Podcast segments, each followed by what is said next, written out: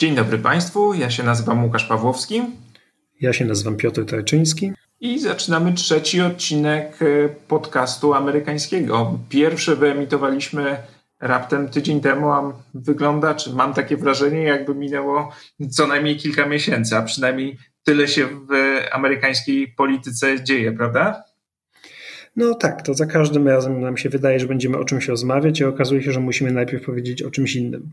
To zaczniemy od e, kilku informacji na temat tych wydarzeń z ostatnich dni, głównie na temat stanu zdrowia prezydenta i jego najbliższego otoczenia, a później porozmawiamy sobie szerzej o tym, jak e, głównie republikanie i ich zwolennicy próbują wpływać na wyniki wyborów nie zawsze w uczciwy sposób, nawet jeśli są to sposoby legalne, to chyba nie do końca zgodne z duchem demokracji. Ale zacznijmy od e, stanu zdrowia e, prezydenta. Prezydent e, usilnie chce nas przekonać, że bardzo dobrze się czuje. Publikuje w, na swoim Twitterze filmy, w których dziękuję za opiekę w szpitalu, w którym przebywa. Twierdzi, że bardzo dobrze się czuje na jednym z takich filmów, a następnie zapowiada nam wielką niespodziankę. I okazało się, że ta niespodzianka to przejażdżka prezydencką limuzyną e, kilkaset metrów e, wzdłuż ulicy, przy której koczują e, zwolennicy Trumpa przed szpitalem. Jak to zobaczyłeś, Piotr, co, co, sobie pomyślałeś? Facet jest chory na COVID, powinien być w całkowitej izolacji, no ale wychodzi, żeby przejechać się limuzyną i pomachać ludziom. No ja przede wszystkim pomyślałem, że to jest y, kolejny przykład y, kompletnej dezynwoltury i braku y, liczenia się z innymi osobami, dlatego że przecież tego Trumpa ktoś musiał ochraniać, ktoś musiał go wieść. W ten sposób, zamiast siedzieć w izolacji, naraził swojego kierowcę, naraził swoich ochroniarzy, naraził jakiegoś fotografa, który przecież też robił mu zdjęcie w, w tym pokoju to jest kolejny przykład tego, że liczy się tylko on liczą się tylko republikańscy politycy i ich zdrowie, ich, e, ich sytuacja, a nie e, całego otoczenia, nie obsługi politycznej i niepolitycznej. No tak, i oczywiście wszyscy ci ludzie, którzy brali udział w, w, w tej wyprawie Trumpa, no są skazani na kwarantannę w najbliższym czasie. E, nie mówiąc już o tym oczywiście, że ryzykowano ich zdrowiem, a może i życiem, no bo każdy ten, tę chorobę może przechodzić e, rozmaicie. To jest raz. Dwa, prezydent próbuje nas jeszcze przekonać, w jak to dobrym jest zdrowiu, pokazując, jak ciężko pracuje. I tutaj mam takie wrażenie, już może po stronie tej liberalno-lewicowej, że wpadamy w jakieś teorie spiskowe, ale E, rzeczywiście, kiedy Trump e, publikuje wideo, Washington Post analizował, że e, tam mamy cięcia w tym nagraniu po to, żeby ukryć prawdopodobnie e, atak kaszlu prezydenta. E, pokazywano nam także, że e, prezydent podpisuje jakieś dokumenty, które tak naprawdę nie są dokumentami, ale wydaje się, że są to czyste kartki, a zdjęcia, jakie opublikowano w mediach społecznościowych, zdjęcia, które mają pokazywać prezydenta w różnych sytuacjach, jak właśnie pracuje, i, i, przegląda dokumenty, tak naprawdę zrobiono w odstępie 10 minut, a więc w formie takiej ustawki. To wszystko y, oczywiście napędza spekulacje co do tego, jaki jest naprawdę stan zdrowia Trumpa. No i w samym obozie prezydenckim wydaje się, że, no mówiąc delikatnie, nie ma co do tego zgody, bo Trump zapewnia e, nas o tym, jak dobrze się czuje, ale jego szef sztabu e, mówił, e, że no, to, co się z prezydentem będzie działo w najbliższym czasie, zdecyduje o, o tym, jak ta choroba będzie przebiegać i że prezydent E, jeszcze nie wyszedł na prostą, za co podobno Trump się bardzo na swojego szefa e, sztabu e, zdenerwował. Mnie w ogóle nie dziwi, że ludzie są podejrzliwi do, wobec tego, co mówi Trump, ponieważ Trump kłamie. I to już nie mówię nawet o w ogóle o jego prezydenturze i o tym, że kłamie w ciągu czterech lat. Mówię o tym, że ludzie prezydenta i sam Trump kłamią i zatajają, zatajają informacje odnośnie jego choroby. To znaczy, mówiliśmy w poprzednim odcinku o tym, że y, chociaż Trump i ludzie Trumpa już wiedzieli, że najbliżsi jego współpracownicy są chorzy, i tak pojechali na y, spotkanie z, z donatorami mm, do New Jersey. Lekarze z centrum medycznego, w którym leczy się prezydent, mówią jedno i szef sztabu mówi co innego. Trump tweetuje jeszcze co innego. Tak naprawdę nie wiemy, jaki jest stan zdrowia Trumpa, ponieważ nie ma spójnego przekazu. No i ta ekipa po prostu często mija się z prawdą. W związku z tym nic dziwnego, że nawet poważne media mm, podchodzą do tego sceptycznie. Ale czy to jest e, coś nowego w amerykańskiej historii? Bo też słychać takie głosy, że właściwie ukrywanie kłopotów zdrowotnych prezydentów to nie jest e, nową, tak? To znaczy ukrywał powagę swojej choroby Franklin Delano Roosevelt, ukrywano kłopoty zdrowotne Woodrowa Wilsona jeszcze wcześniej. No dobrze, ale to było 80 lat temu i, i, i, więcej, a w obecnej, najnowszej sytuacji no mieliśmy takie przypadki jak, nie wiem, choroby George'a Busha e, młodszego, który po prostu szedł do szpitala, mówił, że idzie do szpitala, przekazywał obowiązki prezydenckie swojemu wiceprezydentowi, na co pozwala konstytucja. Mam wrażenie, że jednak pewna transparentność tam była zachowana. W przypadku Trumpa nie wiemy, jak jest. To prawda, choć w przypadku Busha oczywiście nie było to tak blisko wyborów, bo takiego nagromadzenia spraw wyjątkowych to chyba w historii Stanów Zjednoczonych jeżeli chodzi o wybory, chyba jeszcze nie było, bo mamy oczywiście i pandemię, mamy chorego prezydenta, którego stanu zdrowia nie znamy, mamy 30 dni e, niespełna pełna już do wyborów i mamy y, nominację do Sądu Najwyższego, co tak także... może zostać wywrócona poprzez y, stan zdrowia senatorów, którzy już mamy trzech senatorów y, republikańskich z potwierdzoną diagnozą. Do tego jest jeszcze kilku, którzy przebywają na, na kwarantannie, bo mieli kontakt z zarażonymi. Republikanie i tak chcą procedować nominację sędzi Barrett, chociaż to i tak już było na wariackich papierach, a teraz to jest już naprawdę dociskanie kolanem i granie z, z życiem i zdrowiem ludzi. E, ale myślę, że o tym porozmawiamy może w sobotę, kiedy będzie coś więcej wiadomo na temat zarówno stanu zdrowia Trumpa, jak i na temat tego, jak rozwija się to ognisko choroby w Białym Domu, bo, bo, bo dziś się wydaje, że właśnie sobotnia ceremonia oficjalnego ogłoszenia nominacji sędzi Barrett była e, ogniskiem choroby. Wiesz co, ale to ja bym tylko zwrócił uwagę na coś, o czym ty pisałeś chyba na swoim Facebooku, bo mamy rzeczywiście taką sytuację, że republikanie mają przewagę trzech głosów e, w Senacie. Mm, chcieli przepychać tę e, nominację jak najszybciej. Mieliśmy dwójkę senatorów, która wyraziła się sceptycznie o całym tym procesie i powiedziała senatorów republikańskich. Dwie senatorki. Dwie senatorek republikańskich, tak które nie chciały głosować, no ale to dawało wciąż e, przewagę republikanom. No i teraz, gdyby stracili jeszcze trójkę senatorów ze względu na chorobę, no to, to cały ten proces może zostać e, wywrócony czy zablokowany przez demokratów. W związku z tym powiedz tylko, jaki pomysł miał lider senackiej większości Mitch McConnell. No właśnie pasujący w sumie do tego, co zrobił Trump ze swoją pokazówką z samochodem i machaniem z samochodu, to znaczy kompletnie nie zważając na obsługę Senatu, na stażystów, pracowników y, Kapitolu i tak dalej. Pomysł był taki, że a może by tych chorych senatorów y, wprowadzić na salę posiedzeń Senatu i umieścić ich w galeriach tam wyżej na piętrze, gdzie nie byliby w bliskim kontakcie z resztą senatorów. Co oczywiście plan jest fenomenalny, tylko znowu, no właśnie, nie bierze pod uwagę y, tych wszystkich ludzi, którzy muszą obsługiwać to wydarzenie. Ale znowu widać, najważniejsze jest y, nominacja sędzi Barrett i sukces Mitch, Mitcha McConnella i republikanów, a nie, a nie zdrowie ludzi.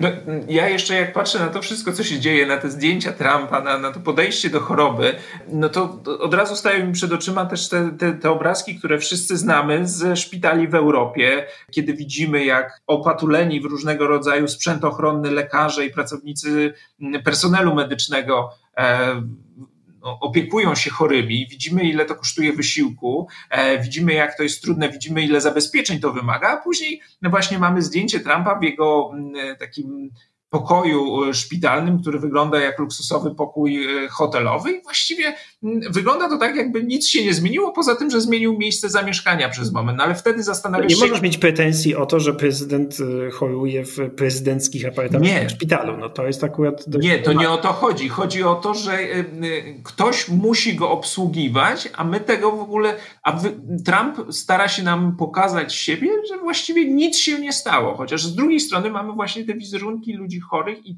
tego, jak wiele kosztuje utrzymanie bezpieczeństwa tych wszystkich, którzy się chorymi opiekują. W przypadku Trumpa e, wizerunek jest taki, że to właściwie nie jest żadna poważna choroba, więc te wszystkie jego teksty o tym, że on już się dowiedział, jak bardzo poważnym zagrożeniem jest koronawirus i jak wiele już wniosków wyciągnął, myślę, że można wsadzić między bajki. Przynajmniej takie odnoszę wrażenie. Jest jeszcze jedna rzecz, o której też jakby się zapomina. Trump mówi, że jest pod najlepszą opieką najlepszych lekarzy w najlepszym szpitalu i też czytaliśmy w gazetach, że oczywiście nie otrzyma żadnego rachunku za, za, za tę chorobę. I oczywiście trudno się temu dziwić. No trudno, prezydent ma zapewnioną najlepszą opiekę zdrowotną, ale właśnie w tym sęk. Znaczy Trump ma dostęp do najlepszej opieki zdrowotnej na świecie.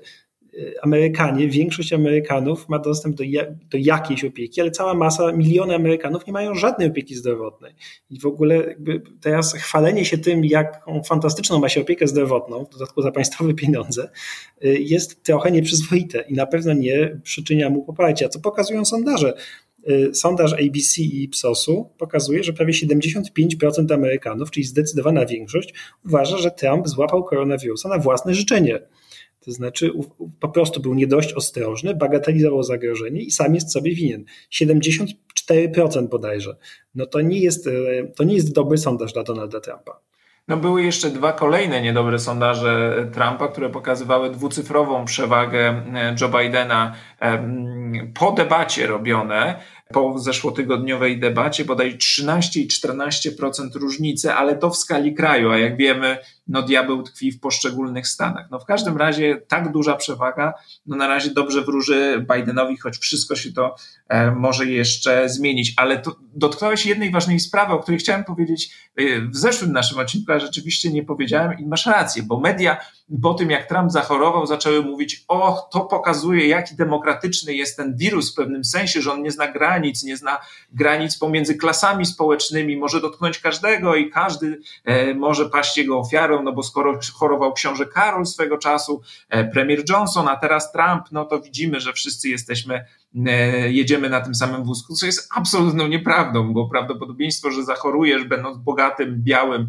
74-latkiem z e, doskonałą obsługą medyczną jest o wiele, wiele, wiele, wiele mniejsze niż gdy jesteś czarnym pracownikiem sklepu czy jakiegoś magazynu pewnej firmy wysyłkowej, na przykład największej na świecie. W związku z tym y, na to też warto zwrócić uwagę. To, że Trump choruje, nie oznacza, że wirus dotyka wszystkich bogatych, biednych, czarnych, białych, y, starych i młodych w, ten sam sposób. Słuchaj, to co? Przechodzimy może do e, drugiego tematu, o którym chcieliśmy porozmawiać, bo w tym, w tym całym zamieszaniu można zapomnieć, że zbliżają się wybory prezydenckie. E, już... Nie tylko prezydenckie, zbliżają się wybory prezydenckie, wybory do, na gubernatorów, na jedną trzecią senatorów i całej Izby Reprezentantów. E, to, to jest też szalenie istotne oczywiście, bo przecież e, to kongres decyduje o wielu sprawach. To, to kto będzie dominował w Senacie ma kolosalne znaczenie. Mm, i mówimy o po prostu wydarzeniu, no, w którym 300 milionów Amerykanów będzie głosowało. No ale właśnie, nie wszyscy będą głosować. Nie wszyscy będą głosować i części polityków bardzo zależy na tym, żeby niektórzy nie głosowali, żeby ta frekwencja była niższa, szczególnie żeby była niższa w określonych sektorach społeczeństwa i jak się śledzi amerykańskie media, czy, czy czyta o amerykańskiej polityce, to pojawia się bardzo mm, często takie pojęcie voter suppression, czyli jakby ograniczenia liczby głosujących i działania na rzecz obniżenia frekwencji. To jest coś, e, zjawisko, które jest e, ciekawe i nie kojarzy nam się, tak mi się wydaje, może się nie kojarzyć ze Stanami Zjednoczonymi, jeżeli widzimy w nich ojczyznę demokracji i takich zaangażowanych obywateli. A tutaj mamy całe zjawisko o tym, jak tych obywateli zdezaktywizować. No, powinno się nam kojarzyć, jeśli znamy chociaż trochę historię, dlatego że w XIX wieku y, przecież y, ograniczanie prawa do głosowania, czy w ogóle to, że duża część populacji nie miała prawa do głosowania, było podstawą Ameryki. To znaczy Afroamerykanie, czarni Amerykanie, niewolnicy nie mieli prawa głosu, byli przedmiotami, byli własnością, a nie, a nie obywatelami. Koniec wojny secesyjnej wprawdzie doprowadził do końca niewolnictwa, ale 15 poprawka, uchwalona w 1869, ratyfikowana rok później, y, dawała prawo wyborcze wszystkim. Nie wolno ich było ograniczać go y, ze względu na nic. To ja tylko powiem, jak ona brzmi.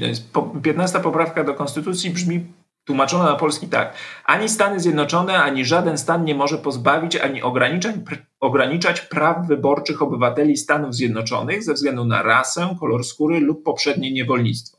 Punkt drugi mówi, Kongres ma prawo zabezpieczyć wykonanie niniejszego artykułu przez odpowiednie ustawodawstwo. Czyli mamy to w Konstytucji, w poprawce, ale nie działa. Znaczy, tam oczywiście nie ma nic mowy o kobietach. Prawo ograniczania, prawo głosu kobiet, y, to trzeba było na to poczekać jeszcze y, pół wieku prawie, tak? Do, do 1920 roku.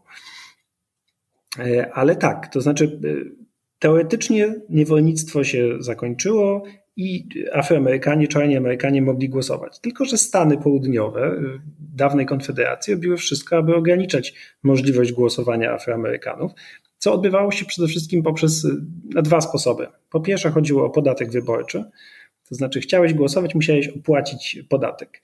Oczywiście byli niewolnicy, przeważnie pozbawieni majątku, nie mieli z czego opłacić tego podatku, zwłaszcza, że podatek się kumulował, to znaczy musiałeś zapłacić podatek za wszystkie te lata, kiedy go nie płaciłeś. W związku z tym z każdym rokiem zapłacenie tego podatku było praktycznie niemożliwe. Druga rzecz to były egzaminy takie wyborcze, które y, miały upewnić się, że dany wyborca rozumie konstytucję i jest w stanie docenić wartości demokracji. Co oczywiście też było lipą, bo kiedy przychodził biały mieszkaniec południa, to dostawał pytanie w rodzaju: kto jest obecnie prezydentem USA? No to jest dość proste pytanie. A kiedy przychodził Afroamerykanin, dostawał pytanie: proszę nam tutaj zinterpretować ten oto passus konstytucji. Y, przy czym oczywiście decyzja była arbitralna tego, kto ten egzamin przeprowadzał. W ten sposób oczywiście ograniczono głosowanie e, czarnych na południu przez wiele, wiele długie dekady, e, aż do 1965 roku de facto, kiedy ustawa o prawach obywatelskich, mm, e, przepchnięta przez prezydenta Johnsona, uniemożliwiła tego typu praktyki. Tak? To znaczy nakazała prawdziwie powszechne prawo do głosowania, co przyniosło kolosalne sukcesy, ponieważ popatrzymy na przykład na Mississippi, czyli taki stan południowy par excellence. W 1964 roku głosowało 6% Afroamerykanów, a 5 lat później głosowało już prawie 60%, czyli to jest dziesięciokrotny wzrost. No to powiedzmy tylko, na czym polegała ta, gdzie miał zęby, że tak powiem, gdzie miała zęby ta ustawa. I tutaj mówiono o tym, że Stany, które mają mm, historię dyskryminacji e, rasowej i utrudniania głosowania czarnym Amerykanom, muszą uzyskać zgodę władz federalnych, jeśli chcą wprowadzać jakieś zmiany w swoich kodeksach wyborczych. Bo to tak, jeszcze... Departament Sprawiedliwości musi je zatwierdzić za każdym razem. To funkcjonowało przez pół wieku prawie do 2013 roku, kiedy y, Sąd Najwyższy w sprawie hrabstwo Shelby kontra Holder zdecydowało, że to prawo, mm, ustawa z 1965 roku tak fantastycznie działa, że już jest niepotrzebna, ponieważ minęło już tyle czasu, y, żadnego ograniczania prawa wyborczego nie ma, mm, w związku z tym prawo jest już niepotrzebne. Nieodżałowana sędzia Bader Ginsburg, y, która oczywiście głosowała przeciwko temu, temu wyrokowi, w swojej opinii, w tym sprzeciwie napisała, że to jest jak pozbywanie się parasola w czasie burzy, ponieważ się nie moknie. No tak, nie moknie się właśnie dlatego, że ma się w tym momencie ten parasol, y, a to było wyrzucenie tego parasola, no ale konsekwencje były znaczące.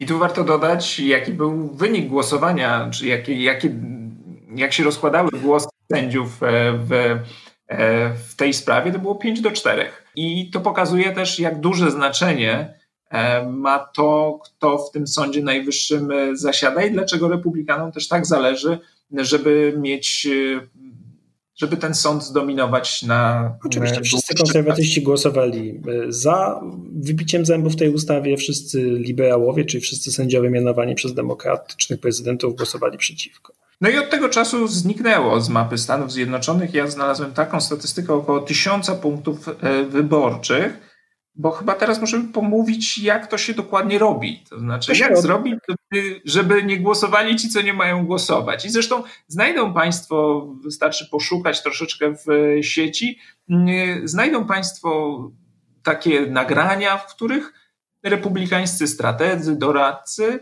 mówią otwarcie. To znaczy, jak czarni głosują, to nie jest dobrze. To znaczy, to nie jest grupa, która na nas głosuje i lepiej by było, żeby ona nie głosowała i lepiej by było, żeby no, część obywateli, czyli z tych e, jak gdyby grup demograficznych, którzy, które nie sprzyjają republikanom, żeby nie głosowała, bo republikanie mają ten problem, jeszcze chyba tego nie wy, wy, wyjaśniliśmy, że po prostu ta tradycyjna baza wyborcza e, się kurczy. W związku z tym, żeby utrzymać przewagę, no trzeba wyeliminować tych, którzy zwykle nie głosują na republikanów. W przypadku czarnych Amerykanów te różnice w poparciu dla Partii Demokratycznej i Partii Republikańskiej są gigantyczne. Więc dlatego warto obniżać ich frekwencję, jeżeli chcemy, żeby republikanie e, odnosili sukcesy. No to jak to się robi, Piotr? No to się robi na kilka podstawowych sposobów. Mm, przede wszystkim chodzi o po prostu usuwanie z rejestrów wyborczych, dlatego że w Stanach nie mamy czegoś takiego jak Centralna Komisja Wyborcza. To nie jest proces y, nadzorowany przez rząd federalny. Mm, to znaczy nie do końca. Tutaj jest bardzo zdecentralizowany, Stany mają swoje zasady, mają, hrabstwa mają swoje zasady, ale przede wszystkim jest to w gestii Stanów. W związku z tym Stany tradycyjnie republikańskie lub Stany nawet takie y, wahające się, ale w których legislatura stanowa jest i władze są zdominowane przez partię republikańską, robią co mogą. Um, usuwanie z rejestru wyborczych, dlatego że w Stanach nie jest tak, że ludzie są automatycznie zarejestrowani w wyborach. Znaczy, żeby głosować, trzeba zgłosić chęć głosowania w wyborach ale y, to nie jest y, na zawsze, dlatego że republikanom robią na przykład tak, że y, podważają zasadność tego, tego, tych rejestrów, ponieważ dana osoba nie głosowała na przykład w poprzednich dwóch czy trzech cyklach wyborczych. Idą z tym do sądu i próbują wypisać taką osobę z, z rejestru, ponieważ ona nie jest już zainteresowana procesem wyborczym. Przy czym często się takiej osoby o tym nie informuje i ona próbuje później zagłosować w dzień wyborów i dowiaduje się, że została skreślona. I oczywiście może teraz z tym iść do sądu, ale jest już trochę za późno. E, są lepsze metody, na przykład e, wiemy, że republikańskie organizacje e, wysyłają listy polecone na jakiś adres. Jeśli ten list nie zostanie odebrany, to idą do sądu i mówią, proszę bardzo, pod tym adresem nikt nie mieszka, ten ktoś nie odbija poczty. W związku z tym proszę wykreślić daną osobę z rejestru. No i wreszcie takie drobne rzeczy techniczne, ale bardzo skuteczne, to znaczy y, jakieś drobne nieścisłości w rejestrach. Nie zgadza się na przykład y, litera, jakaś litera w nazwisku, nie zgadza się jakaś litera w imieniu, jest inna pisownia danego imienia. Y, to szczególnie jest skuteczne w przypadku wyborców mniejszościowych albo obcego pochodzenia czy takiego nieanglosaskiego, tak, gdzie te nazwiska są dla Amerykanów dużo bardziej skomplikowane, albo występują jakieś e, dywizy w nazwiskach. No, na przykład weźmy Aleksandrię Ocasio-Cortez. Kto z Państwa wie, jak pisze się jej nazwisko i czy tam jest myślnik, czy tam jest dywiz, czy, czy nie? E, I na przykład nie ma dywizu w nazwisku. Ktoś zapisałby Aleksandria Ocasio-Cortez po prostu jako dwa wyrazy, Ocasio-Cortez. Jest to znakomity powód do tego, żeby taką obywatelkę wykreślić z rejestru. I tutaj skuteczność y, republikańskich sekretarzy stanu, bo to są takie stanowisko sekretarz stanu w danym stanie, który odpowiada za wybory, y, jest, jest kolosalna. Mówimy o usuwaniu z rejestru wyborczych dziesiątek, setek tysięcy ludzi nawet. Y, druga taka rzecz to są, druga taka rzecz to są, to są dokumenty. To znaczy, to wszystko oczywiście odbywa się pod hasłem mm, walki z oszustwami wyborczymi których tak naprawdę w Stanach nie ma. Czy wszystkie niezależne organizacje i instytucje, które badają ten problem, wykazują, że to jest jakiś w ogóle margines marginesu. Wiarygodnych przypadków y, oszustw wyborczych w Stanach się nie odnotowuje, ale republikanie stworzyli z oszustw wyborczych takiego y, straszaka i pod tym hasłem robią co mogą. Y, z dokumentami jest tak, że jak wiemy, w Stanach nie ma dowodów osobistych, ale trzeba się jakoś legitymować w punkcie wyborczym. W związku z tym najczęściej robi się to przy pomocy prawa jazdy. No tylko, że duża część Afroamerykanów nie ma prawa jazdy, bo na przykład odebrano im je za jakieś wykroczenia, albo na przykład nie mają prawa jazdy, albo nie mają paszportu.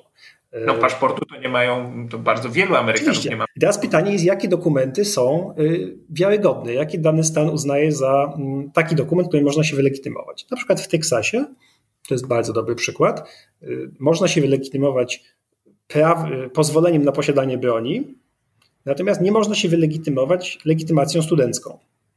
No i oczywiście prawo posiadania broni przeważnie mają biali Teksańczycy, to jest wiarygodny dokument. Natomiast studenci w Teksasie są w większości niebiali. To nie jest wystarczający dokument. Kiedy jest się studentem mieszkającym w jakimś stanie, a pochodzącym spoza tego stanu na przykład, to żeby uzyskać y, na przykład, no nie wiem, odpis aktu urodzenia, trzeba jechać do swojego stanu, co kosztuje, zabiera czas. Wielu ludzi tego nie robi. A propos czasu, bo to jest właśnie czasem też bardzo dobrze się pogrywa w, w zniechęcaniu ludzi do wyborów, bo inna taka, inny taki sposób to jest po prostu likwidowanie tych punktów wyborczych, o czym wspominaliśmy. I mm, można poczytać sobie i czy zobaczyć też zdjęcia, jak wyglądają punkty wyborcze w różnych dzielnicach, często nie da, nie, niezbyt daleko od siebie e, położonych, i w jednych, to jest ten sam dzień, e, mamy pustki, to znaczy sprawnie ludzie przychodzą, głosują i wychodzą, a przed niektórymi tak się składa, że bardzo często są to dzielnice zamieszkane właśnie przez e, mniejszości. Mamy ogromne kolejki. I to, jak ja usłyszałem to po raz pierwszy, nie mogłem wierzyć, że ludzie są w stanie czekać nie godzinę, nie półtorej, po pięć, sześć, a nawet więcej godzin, żeby oddać swój głos, bo jeżeli już stoisz w kolejce, to muszą cię tam wpuścić, nawet jeżeli e, mija czas pracy danego punktu, no i powinni go zamykać, no to mm, ci, którzy czekają, mają prawo oddać głos, no i zdarzają się historie ludzi, którzy czekają po 4, 5, 6 godzin, żeby ten głos oddać. Z tego powodu, nie, nie dlatego... Dnia pracy dodajmy, dlatego że w Stanach głosowanie jest... nie jest świętem, tylko jest normalnym dniem pracy. Szef musi cię zwolnić, żebyś mógł y, z pracy, żebyś wcześniej, żebyś mógł pójść zagłosować. To jest, I to jest kolejny aspekt, to znaczy pytanie, kto sobie może pozwolić na to, żeby ten dzień pracy stracić lub po prostu uzyskać zgodę y, przełożonego, żeby y, nie przyjść do pracy. I często właśnie te kolejki wynikają stąd, że nie ma punktów wyborczych. I też mówi się o tym, że te punkty wyborcze nie może być ich zbyt dużo, żeby nie było fałszerstw. To jest taka dobra, dobre uzasadnienie.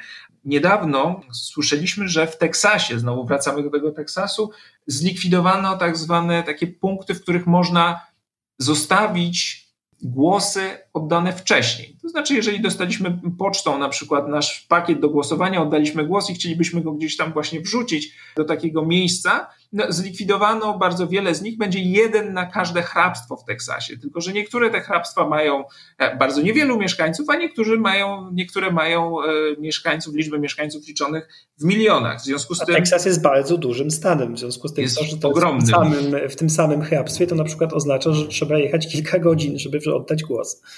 E, żeby tak, żeby ten głos e, wrzucić. Więc e, ograniczanie liczby punktów wyborczych. Ja mam tutaj też takie, taki artykuł z bieżącego tygodnika Economist dotyczący Georgii, stanu Georgia, gdzie mamy 159 hrabstw i to hrabstwa regulują, jak będzie wyglądało właśnie oddawanie głosów na ich terenie. No i tutaj autorzy piszą, że od tej decyzji, o której mówiliśmy z 2013 roku, y, Georgia zlikwidowała y, setki takich punktów wyborczych i pomiędzy 2012 a 2018 roku tylko dwa stany, Teksas, znowu Teksas i Arizona zlikwidowały y, więcej. Tutaj inna statystyka, 10% punktów wyborczych w Georgii musiało pracować ponad swoje godziny pracy, bo ludzie czekali w kolejkach podczas ostatnich prawyborów.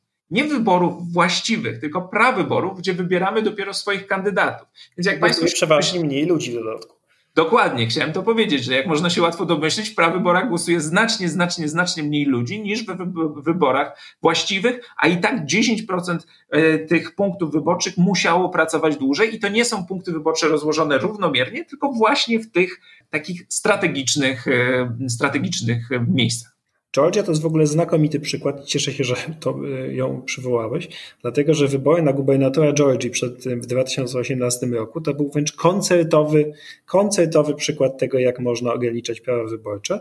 To znaczy, y, tamtejszy kandydat, republikański kandydat na gubernatora, Brian Kemp, był zarazem sekretarzem stanu, to znaczy osobą odpowiedzialną za zorganizowanie wyborów mimo iż jakby wskazywano, że jest tu pewien konflikt interesów i powinien z tego stanowiska zrezygnować.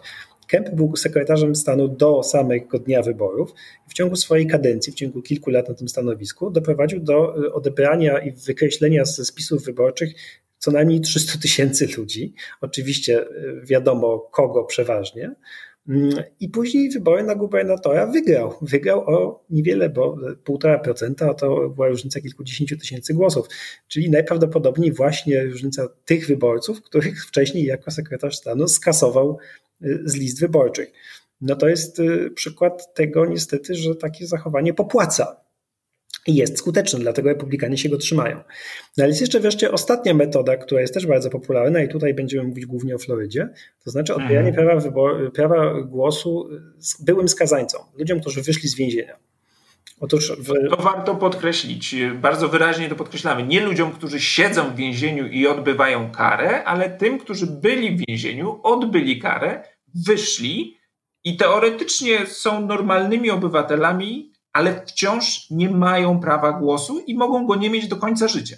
Tak jest. W Stanach jest to, y, oczywiście ta y, dysproporcja jest też kolosalna. Szacuje się, że mniej więcej 8% Afroamerykanów nie ma prawa głosu ten, z tego właśnie powodu i tylko niecałe 2% białych Amerykanów. Na Florydzie próbowano się z tym uporać. Y, w 2018 roku odbyło się referendum w sprawie przywrócenia praw wyborczych byłym skazańcom. E, przy czym tutaj nie mówimy o ludziach skazanych za morderstwa i nie mówimy o ludziach skazanych za przestępstwa seksualne. To po prostu chodzi o ludzi skazanych za wszystkie pomniejsze e, przestępstwa, a w Stanach, jak wiemy, to nie jest to szczególnie trudne, zwłaszcza jeśli jest się afroamerykaninem, chociażby e, za posiadanie niewielkiej ilości marihuany. To jest jakby wystarczający powód, żeby stracić prawo wyborcze albo odebranie prawa jazdy trzykrotne. Jakby no, naprawdę to nie zawsze są poważne przestępstwa.